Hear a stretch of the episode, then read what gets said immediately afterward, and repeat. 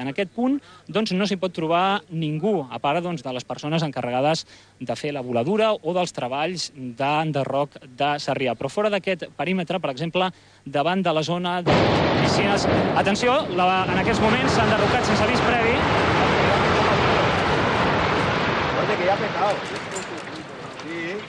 No hi ha hagut avís previ ni tocs de sirena en aquests moments i s'ha enderrocat l'estadi de la carretera de Sarrià. A hores d'ara el que podem dir és que veiem un immens núvol de pols que està envoltant el que és l'estadi de la carretera de Sarrià. Sembla ser doncs, que no ha passat res que no estés previst, a part de que no se'ns ha avisat d'aquesta voladura.